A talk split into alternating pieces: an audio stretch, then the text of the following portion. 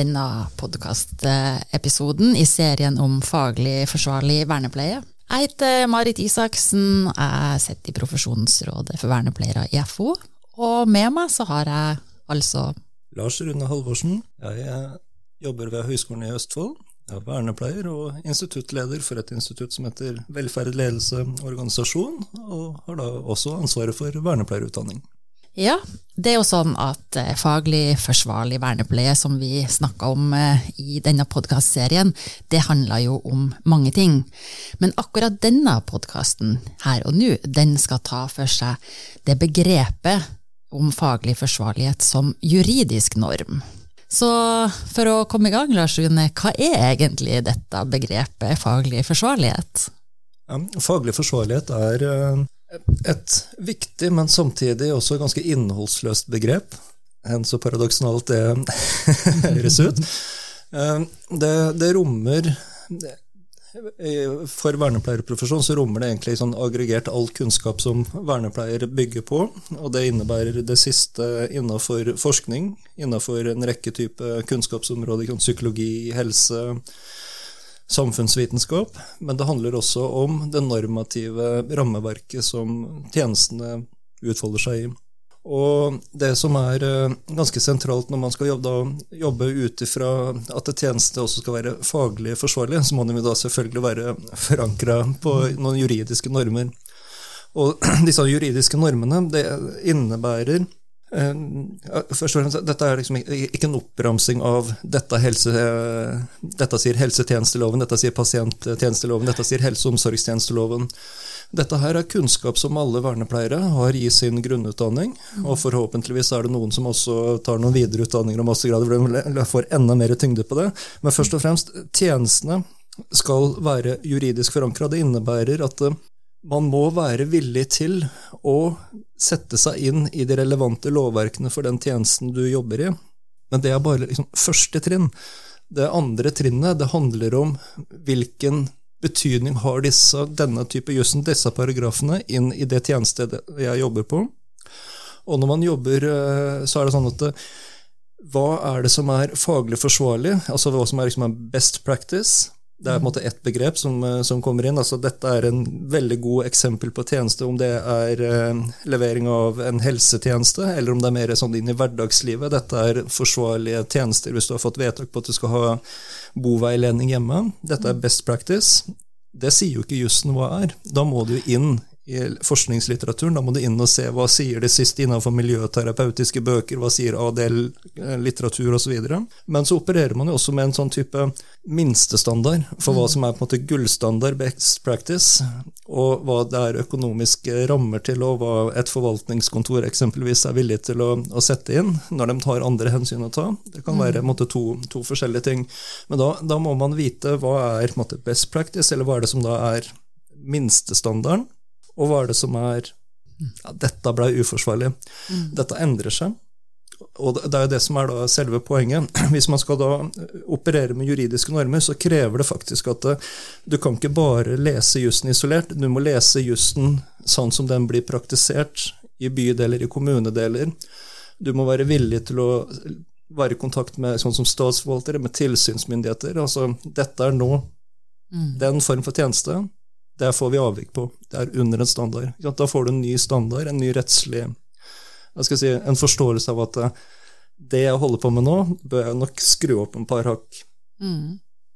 Ja, for det er jo også i relasjon til andre at man finner ut av om det, dette er faglig forsvarlig eller ikke. Men hva er det som gjør det så vanskelig, og er det, er det vanskeligere for oss vernepleiere å forholde seg til dette enn det f.eks. For, for sykepleiere eller leger? Altså har vi større problemer med å tydeliggjøre faglig forsvarlighet i, i vår bransje, hvis man kan kalle det det? ja, både ja og nei. Altså, for vernepleiere jobber jo med, med, å levere tjenester som også er helserelaterte. Og mm. en del eh, altså, Jo mer konkrete prosedyrene blir, jo lettere blir det også å sette sånn liksom, rammer at det, dette er en så godt skal tjenestene leveres. Den kan til og med liksom tidfestes at det, det, tar så lang tid. få en skikkelig stoppeklokke, sånn som man har i hjemmesykepleie, eller stykkpris man har inne i helseforetakene. Eh, vernepleiere jobber jo med, med, noe mer enn bare helsetjenester, og takk og lov for det. Mm. De eh, er i hverdagslivet til, til mennesker. Og det innebærer at eh, en, hva som er da denne juridiske normen, når er dette bra nok? Og hva er det som er skikkelig bra? Det må man eh, på et vis se i sammenheng. Hva er det jussen sier at eh, du som tjenestemottaker har rettigheter? Altså hva er det du har rett på ut fra det vedtaket? Men så må det ses opp imot da, hva er det da faktisk den som mottar tjenestene, ønsker? Altså, du må ta hva rettighetene sier, du må tilpasse det til hva den enkelte ønsker i den konteksten, og så må du balansere det opp mot annen fagkunnskap. Altså, hva er det eksempelvis er den beste måten å gjennomføre veiledningsteknikker i løsningsfokuserte samtaler på? Så du må balansere det mye mer. Og det gjør det også da, potensialet, det er svakheten. Du, du får liksom større handlingsrom, da, større frihet. Men du får også eh, kanskje større frihet til å sluntre unna, eller ha andre press fra vedtakskontor også som kan presse tjenesten der. Men det er, det er det som gjør det litt mer usynlig, at du har ikke denne Du har krav på den helseprosedyren, og den skal se sånn ut, den skal ta mm. så mye tid. Mm.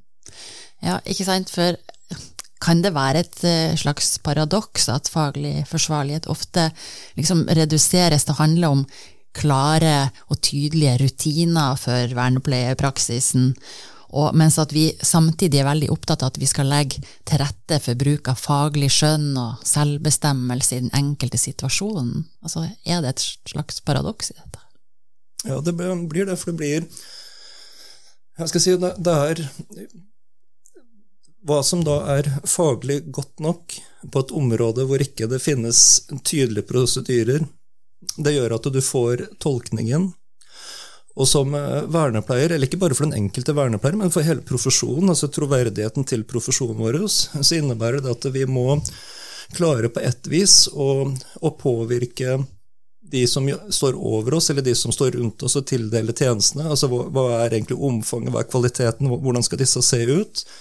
Og så får vi også denne her lille hva skal jeg si, Vi får et litt sånn internt potensielt disiplineringsproblem. For hvis vi har eksempler på vernepleiere da, som ikke er oppdatert. Som da faktisk altså, du, du, kan ha en vernepleier som er utdanna sier 2005, og som jobber med å levere tjenester samme, samme person. Utfører eh, hjemmebaserte tjenester. Det som er faglig forsvarlig i 2005, og du har egentlig sånn basically samme person, samme tjenesteutøver. Du har jobba nå i fem år, ti år, og du gjør akkurat det samme, leverer på akkurat samme nivå. Mm. Det som kan skje, er at i løpet av de da, si fem til ti årene, så har hvordan man skal være i relasjoner, hvordan du skal ivareta, hva er det man mener er faglig forsvarlig, altså hvor går grensene for f.eks. hvor man skal pushe hvis det er liksom, snakk om selvbestemmelse og ikke. De normene de kan ha endra seg. Mm. Og det, måten å kunne få med seg det, er via f.eks.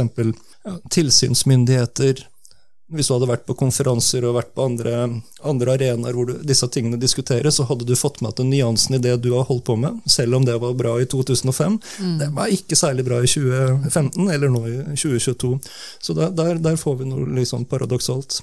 Mm. Vi har jo sett, eh, vi så jo eksempel på det når det gjelder ny tvangslovgivning, ikke sant? Der, man skal, der det bruk av belteseng har vært eh, veldig aktuelt lenge, men nå skal det fases ut. Så det er jo et eksempel på det du snakker om som faglig endra praksis og, og, og, krav til forsvarlighet, skulle jeg ta si. Men vi, mange vernepleiere jobber jo i tjeneste til utviklingshemmede.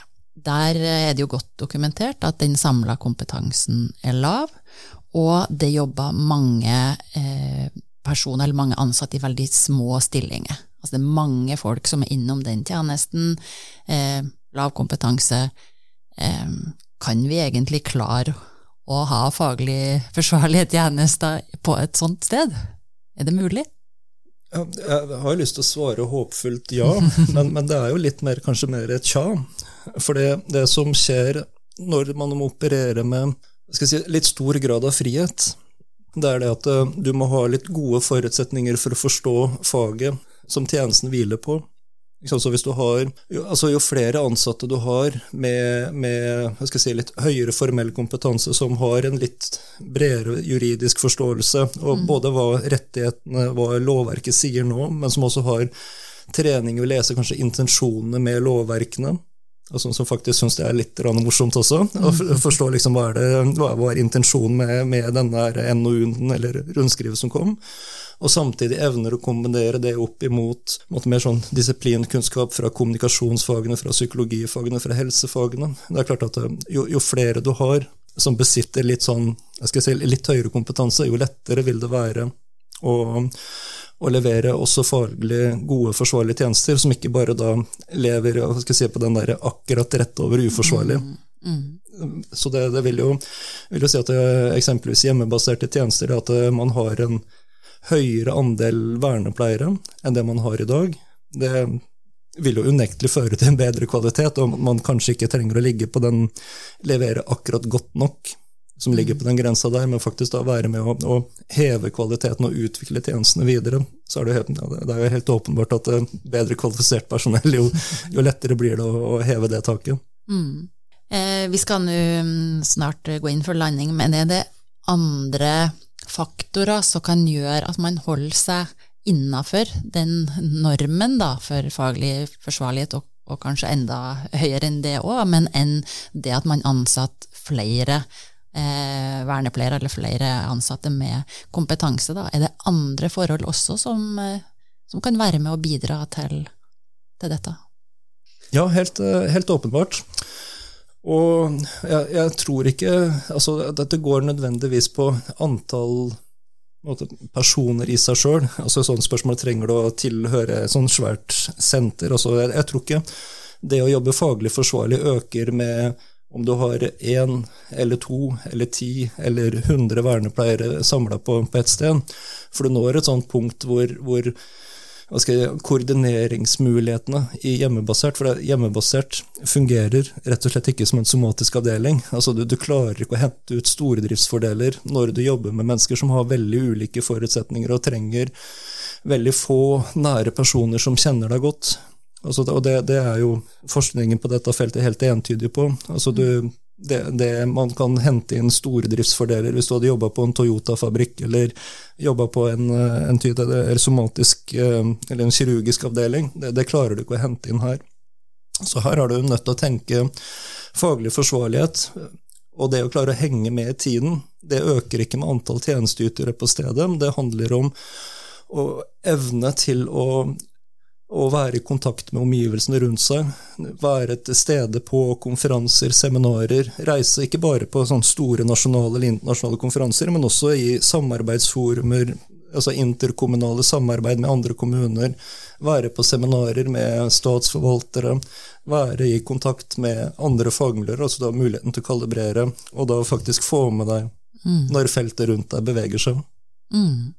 Ja, takk. Jeg syns egentlig at det var ei veldig fin eh, avrunding, med litt sånn håp i stemmen egentlig om at vi kan få det til. Vi kan få til faglig forsvarlige tjenester også selv om ikke vi bare ansatt vernepleiere, men at de som er i det miljøet både får tid og anledning til å holde seg oppdatert, dra ut, sjekke ut med fagmiljø, med andre organisasjoner, brukerorganisasjoner, statsforvaltere osv. om hvordan er egentlig hvordan er den faglige normen her og nå. Så tenk at det var det vi eh, fikk gjort i denne episoden. Det er jo til dere der ute, det er jo mange andre episoder i denne podkastserien om faglig forsvarlig vernepleie på vernepleier.no. Vi håper at dere eh, sjekker inn der og får med dere det. Så takk for meg. Takk for meg.